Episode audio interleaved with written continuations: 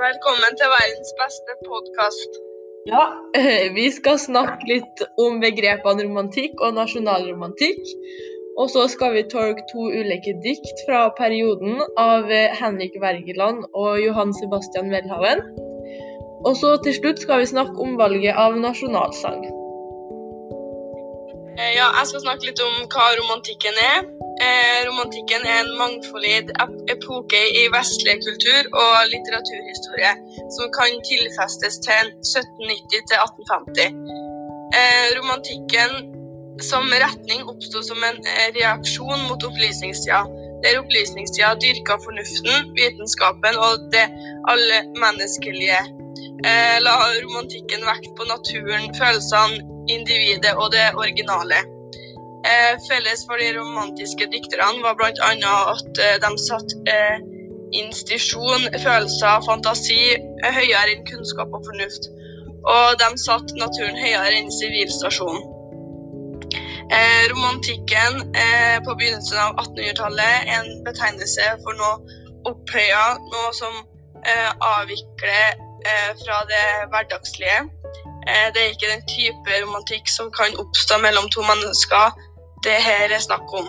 Romantikken, tekst, eh, tekster og romantikkens kunst handler noe, om noe større. Eh, om en universell eller nasjonal romantikk. I romantikken er ordet romantikk assosiert med noe innsides det juridiske, konkrete verden. Det kan være fantasi, drømmer eller følelser. Det som ikke er håndgripelig. Ja.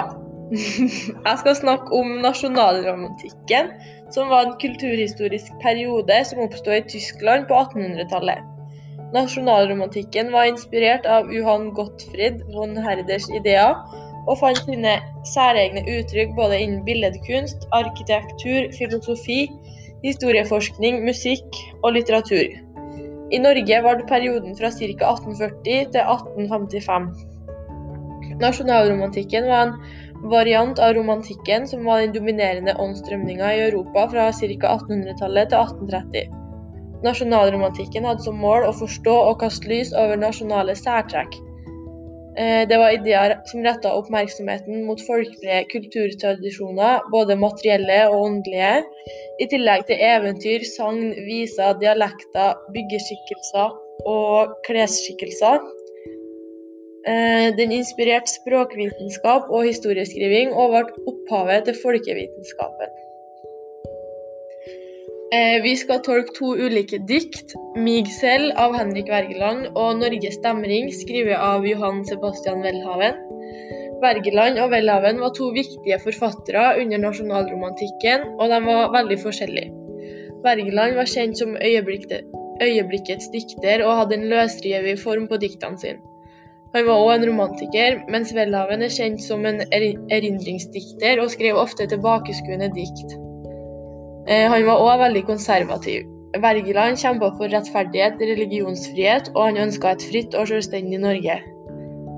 Mens Welhaven var som sagt mer konservativ, og Wergeland og Welhaven kom ofte i konflikt med hverandre. Wergeland var veldig opptatt, av Norge og landets kulturarv, mens Welhaven mente at den var tom og fattig, og var mer opptatt av forbindelser til den gamle europeiske kulturarven. På 1830-tallet begynte en språkdebatt i Norge. Wergeland var en av de første som mente at vi burde få et eget norsk språk. Og etter, etter hvert når vi var blitt en egen nasjon. Han ville gradvis gjøre dansk mer norsk, mens Welhaven sto på at vi burde fortsette å skrive dansk, for det var det mest dannede språket. Mens andre ville skape et helt eget norsk, norsk språk bygd på norske dialekter og norrønt. Dette var da bl.a. Ivar Aasen sitt syn.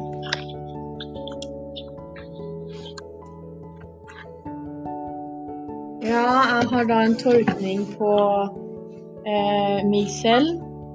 Og ved første øyekast så ser det ut som et veldig utradisjonelt dikt sammenligna med de andre diktene som eh, han har skrevet. Eh, det er litt uvanlige pauseringer, ingen fast rytme og ingen rim. Og det er en generell prosaisk stil som preger de 21 strofene. Eh, sjangermessig så vil diktet passe best i kategorien prosalyrikk. Eh, Wergeland stikker seg stadig fram med personlige pronomen som jeg, mig, min og mitt. Det gir diktet et personlig preg og en nærhet til situasjonen. Eh, motivet er Wergeland, som setter seg sjøl i forhold til naturbilder. Og Han starter først med å argumentere for at han ikke er i dårlig humør, og så skriver han om gledene som naturen tilbyr.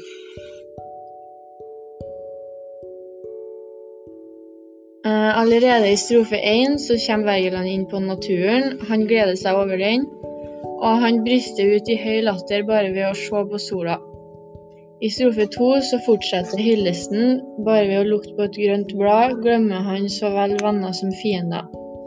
Det bladet trenger nødvendigvis ikke bare å være et blad, men et bilde på naturen generelt. Og dyrene gjør han òg glad. For i den etterfølgende strofa så stiller han spørsmålet 'Jeg hater', Og så kommer en del som omhandler hvorfor han ikke hater. Igjen spilles det på naturen. Når han er i kontakt med den, så forsvinner hatet. Det flyter bort med snøen og blir ført langt ut i havet. Mig selv er et eh, ganske komplisert dikt, og formmessig så er det rimelig eh, avvikende fra dikterens sin tidligere diktning. Det gjelder særlig metrikken, men eh, i stor grad òg musikaliteten.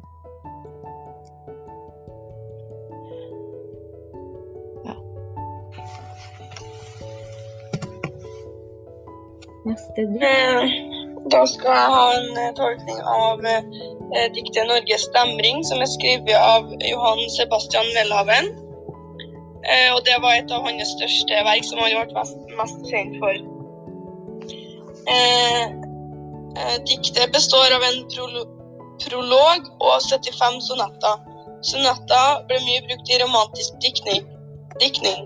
En sonett er en diktform på 14 linjer av femfota jamber med fire versgrupper, to firelinjer med omsluttende rim og to tredjelinjer med varierende rimstilling. Um, diktet handler kort fortalt om Norge og hvordan landet er avhengig av Danmark og Sverige. Uh, typisk for den teksten er at den er skrevet på en indirekte måte, hvor Norge er er bikube og går etter de andre. Temaet eh, i teksten tar opp en eh, selvstendighet, kultur og politikk. Teksten ble skrevet i den litteraturhistoriske epoken, eh, nasjonalromantikken. Eh, det første man legger merke til i teksten, er at eh, alle vanskelige ordene og måten teksten er opp, oppbygd Eh, mange av ordene står ikke skrevet direkte som at Norge ikke er selvstendig, men heller at Norge er en bikube som flyr ut til alle kanter. Eh, han skriver også at Norge blir satt høyt av andre riker, eh, men det må sikres en ammevakt som eh, svake barn og uerfarne piker. Dette viser at Danmark og Sverige var barnevakt for Norge, slik at de ikke kunne være et selvstendig land. Eh, Welhaven mente at kulturfellesskapet med Danmark og resten av Europa var nødvendig. Eh, han hadde sterke meninger om at det nye Norge skulle bygges på kulturen fra andre land. I diktet kommer det et eksempel på det her. Budskapet med diktet forteller oss hvilket syn eh, Welhaven hadde på kulturfellesskap med Danmark og resten av Europa. Budskapet er at Norge er avhengig av kulturell innflytelse, som betyr at Norge ikke er i stand til å stå på egne bein kulturelt sett. Det var også viktig for Welhaven at, at man måtte akseptere at Norge er en del av verden, og ikke en verden for seg sjøl. Eh, noe annet som kommer tydelig fram i teksten, er at han latter, latterliggjør eh, nordmenn.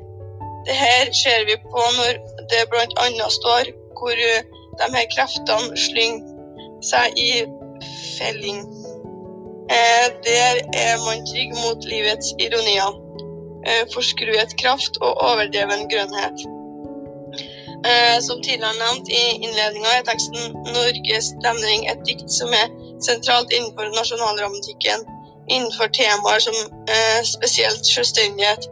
Eh, teksten spiller på en merkelig måte, hvor han putter på romantiske blomster som eh, rosa og lilja. Avslutningsvis er det viktig å påpeke at mange gikk imot han når teksten kom ut, eh, siden han narra nordmenn og måten han fremstilte Norge på, på en negativ måte. Eh, til slutt så måtte Welhaven flykte fra landet fordi at han fikk så eh, dårlig respons. Eh, og mye av det som ble skrevet i diktet, var rettet mot Wergeland. Og de to hadde eh, forskjellige meninger om kultur, eh, kulturen til Norge. Derfor fikk Wergeland mye indirekte kritikk i dette diktet. Eh, Da skal vi snakke litt om valget av nasjonalsangen, og hva vi syns om nasjonalsangen. Emma, hva syns du? Eh, jeg synes egentlig at vi har en veldig fin nasjonalsang. Og det var sikkert eh, ingen som tenkte over at eh, den kunne være kjønnsdiskriminerende når den ble lagd, men sånn i dag så merker vi jo at den er litt eh, kjønnsdiskriminerende. De sier jo bl.a. i sangen 'Alt hva fedrene har kjempet, mødrene har grett'. Hva tenker du om det?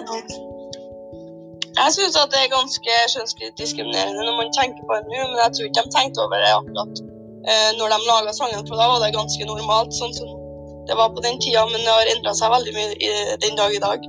Syns du at vi skal bytte til en annen sang, eller gjøre om sangen?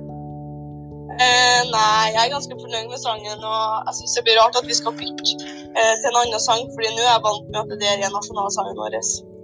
Jeg har heller ikke lyst Hva syns du? Jeg har heller ikke lyst til å bytte sang, for at det, det er noe med den sangen som det, Du har jo minner til den, og det er, som, det er tradisjon å synge akkurat den sangen, så det blir veldig rart hvis vi skal begynne å bytte nasjonalsang, selv om den Ja. kanskje ikke er kjønnsnøytral i dag. Ja, jeg er enig. Jeg syns ikke man trenger å være såpass sensitiv at det gjør sånn kjempemye om det står noe litt feil i en sang. Jeg tror Nei. vi tåler det egentlig.